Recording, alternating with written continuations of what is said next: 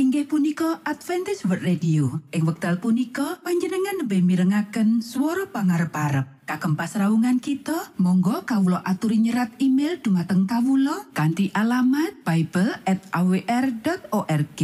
utawi panjenengan uki saged layanan kalian Kawulo lumantar WhatsApp kanti nomor plus setunggal saged layanan kalian Kawulo kalh kalh sekawan kalh kalh kalh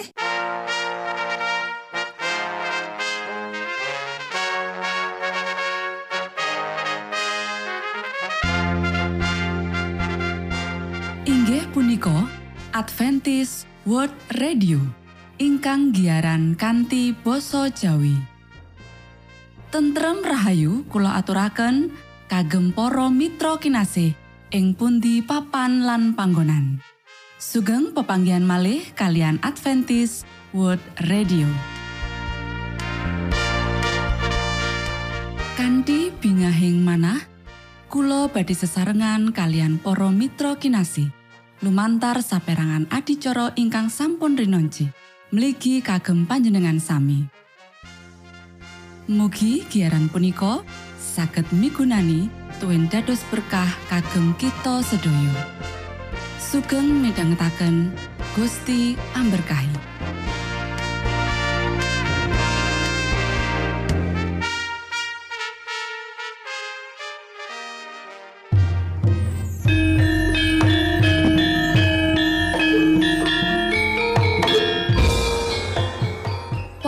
Para pamirsa kinasih ing Gusti Yesus Kristus. Ing wekdal punika kita badhe sesarengan ing adicara ruang kesehatan. Ingkang saestu migunani kagem panjenengan saha kita sami.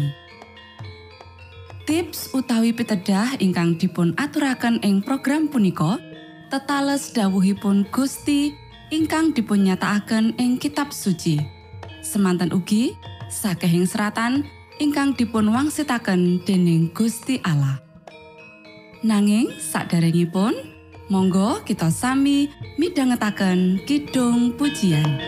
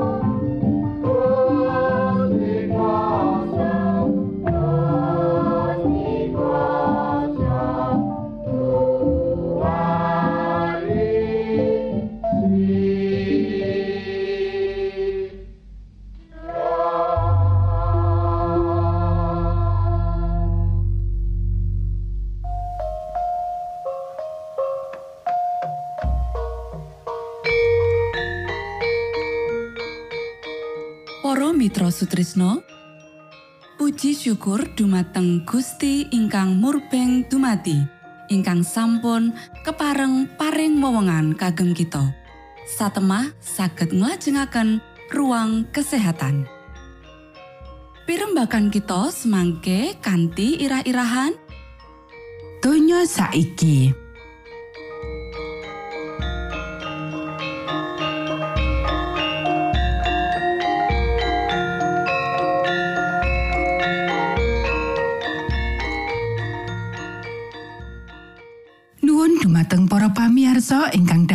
kinurmatan, sugeng bebanggian malih kalian kula Isti Kurnaidi ing adicara ruang kesehatan. Ing dinten punika kanthi irah-irahan donya saiki. Para sedherek ingkang kinasih, katurjanan lan leloro saya mundhak saka siji generasi marang generasi sabanjure. Ora tarak sakjroning bab mangan lan ngombe lan pemanjaan nepsu kewan wis ngringkehake pikiran manungsa sing agung. Tetimbangan sehat sing kutune merintah wis dadi abdine nepsu nganti nglewati wates. Kepinginan sing mujuk marang panganan mewah wis dimanjakake nganti iku dadi bakulinan kanggo ngisi weteng nganggo sakake panganan kasebut. Mligine ing pesta-pesta, selera iku dimanjakake tanpa wates. Mangan awan sing mewah lan mangan bengi sing kasep dilatihake marang tamu. Ing ngendi panganan iku isine daging sing wis dibumboni, saus sing lengo, kue, pai, omben-omben es, teh, kopi lan liya-liyane. Ora gumun menawa kanthi panganan kaya iku wong dadi pucet lan nandang loro weteng sing banget. Para sederek, kahanan donya saiki wis dituduhake ing ngarepku. Sesawangan iku ngegirisi. Aku rumangsa gumun menawa wong-wong bumi ora disirnakake kaya penduduk Sodom lan Gomora.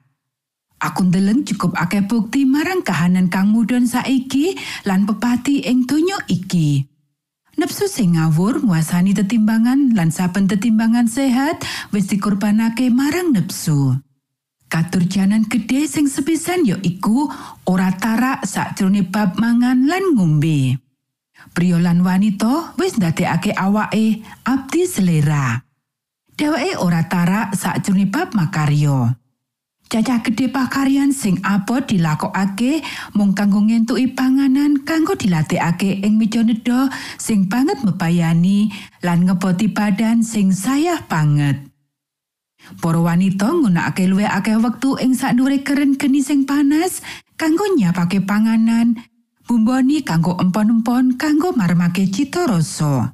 Sing dadi akibate anak-anak dilirwakake. Ibu sing wis makaryo abot banget iku lali bentuk tabiat sing manis sing dadi sinar surya sakjroning Bali Wisma. Kawikaten marang perkara sing langgeng saiki di nomor loro ake.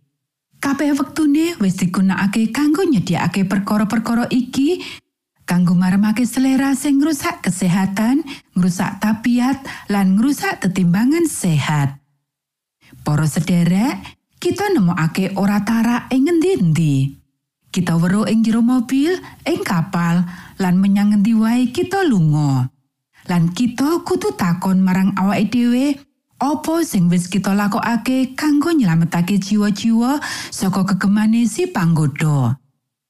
Setan tansah sumadyo kanggo mapanake umat manungsa sawetue ing sangisore kekuatane. Kujengane sing paling kenceng ya iku lumantar selera. Lan dheweke mbudidaya ngrangsang iku kanthi cara apa wae. Para sederek, kabeh bahan perangsang sing ora alamiah bebayani banget. Lan iki nimbulake kepinginan marang omben-omben keras. Kepiye carane bisa menyenengake menungso nalika nyegah piolo gede sing nyebabake kedadian kasebut? Apa kita wis nindakake kabeh sing kita bisa ing babagan iki? Matur nuwun, Gusti amberkahi.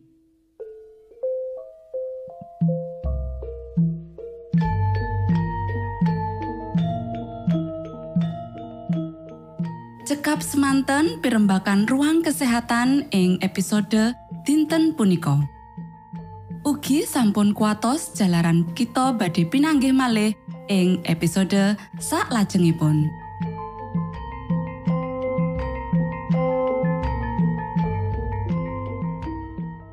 Inggih punika adicara ruang kesehatan.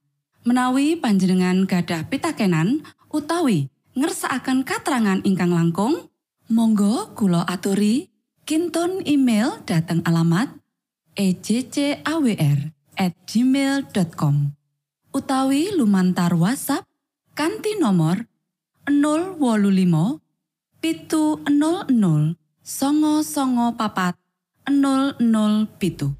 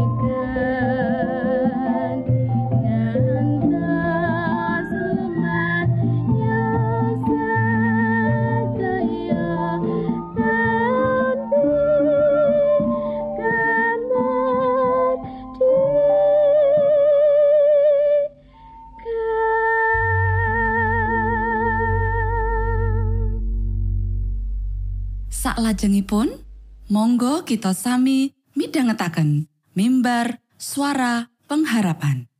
Angkat nafiri kanti pawarto Sang Kristus paderamu. Pro umat samyo puji asmanyo Sang Kristus paderamu. Inggih punika mimbar suara pengharapan. Ing episode punika kanthi irah-irahan.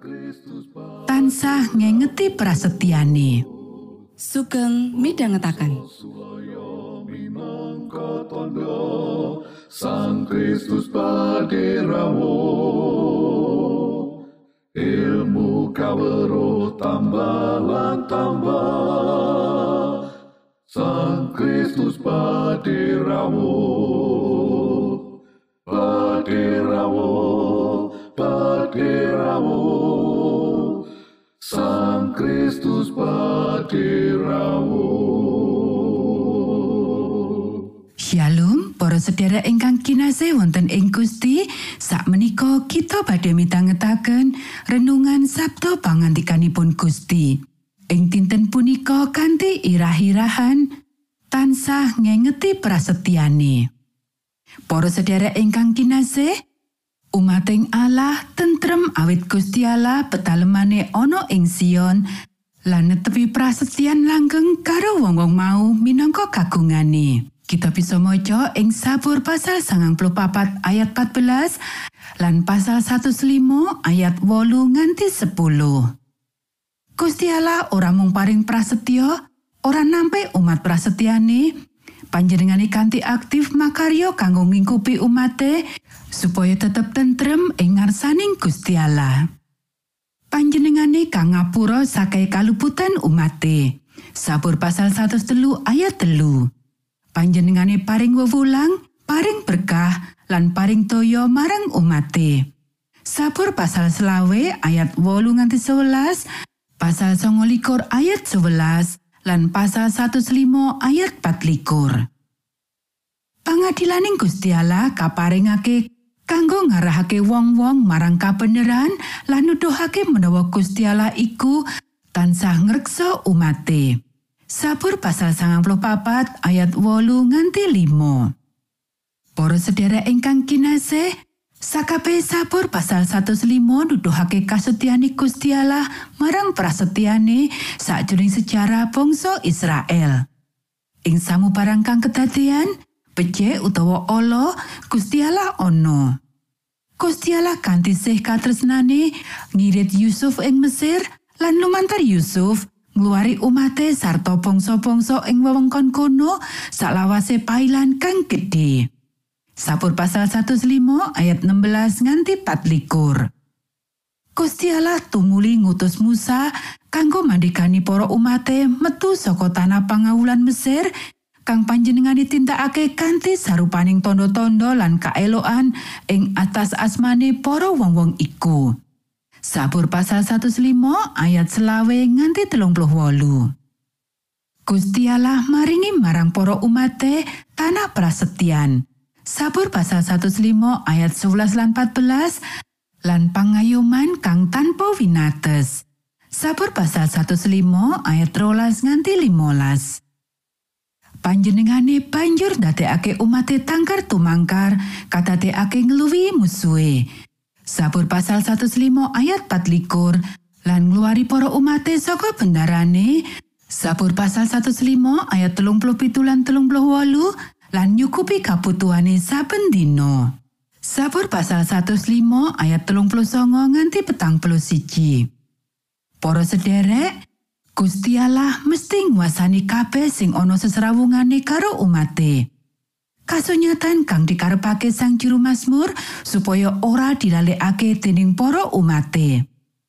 Nalika Gusti Allah ngengeti prasetyane, iku kalebu luwe saka kesadaran utawa pangeling-eling amarga iku tansah ngarah marang tumindak. Purwaning tumati pasal wolu ayat siji, siji Samuel pasal siji ayat 19, sabur pasal sang wolu ayat telu, lan sabur pasal 105 ayat petang loro nganti petang papat. Semono uga nalika saben wong katimbalan kanggo ngengeti kaelokan lan pangadilaning Gusti Allah, kuwi tegese saben wong kudu urip kanthi cara ngluhurake Gusti Allah. Ing prasetyan iki, patimbalan kang utama bangsa Israel ya iku tetep setya marang prajanjen kanthi netepi angger-anggering Gusti Allah. Sabur pasal pitung ayat 5 nganti pitu lan pasal 105 ayat petang puluh limo. Umating Allah uga katimbalan kanggo nyaksekake babakan Gusti Allah marang bangsa liyane awit Gusti Allah ngersakake supaya sakabe bangsa nyawiji marang umat Israel. Kanti mangkono, jaga tentrem jroning prasetyan pangayuman saka Gusti Allah kang Maha Kuwasa lan Maha Asih. Sabur pasal 89 ayat 29 nganti telung puluh limo. Monggo kita sami ndedonga. Duh Rama kawula ingkang wonten ing swarga, asma patuko mugi kasucikaken. Kraton patuko mugi rawuh, karso patuko mugi kalampahan wonten ing bumi, kados dene wonten ing swarga.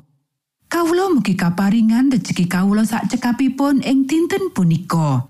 So patuko mugi ngapunten kalepatan kawula kados dene kawula inggih ngapunteni tetiang ingkang kalepatan dhateng kawula. Punapa dene kawula mugi sampun ngantos katantokaken dhateng ing panggoda nanging mugi sami patuko uwalaken saking piawon. Awitine patuko ingkang kagungan kraton saha wiseso tuen kamulyan salami laminipun. Amin.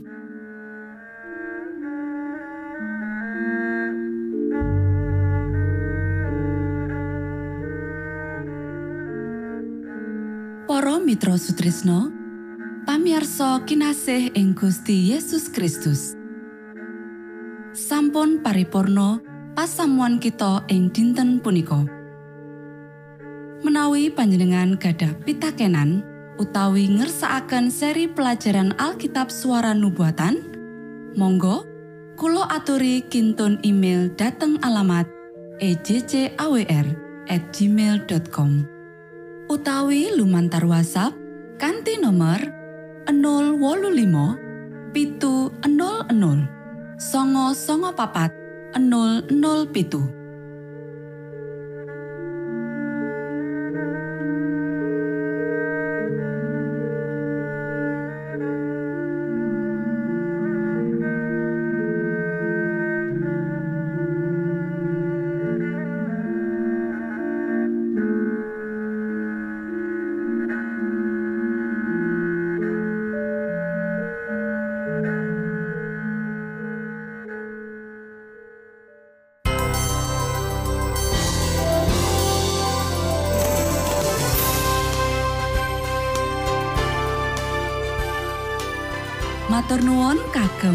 kagem wektalipun kita badhe pinanggih malih ing gelombang ugi wekdal ingkang sami. Saking studio kula ngaturaken tentrem rahayu. Gusti amberkahi kita sedoyo Maranata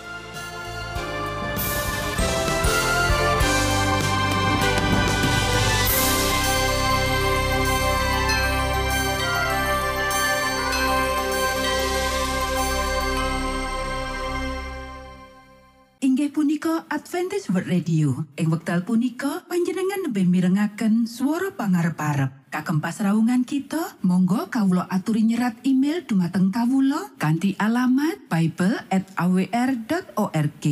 Utawi panjenengan ugi saged layanan kalian kawula lumantar WhatsApp kanthi nomor plus setunggal saged layanan kalian kawula kalih kalih sekawan kalih kalih kalih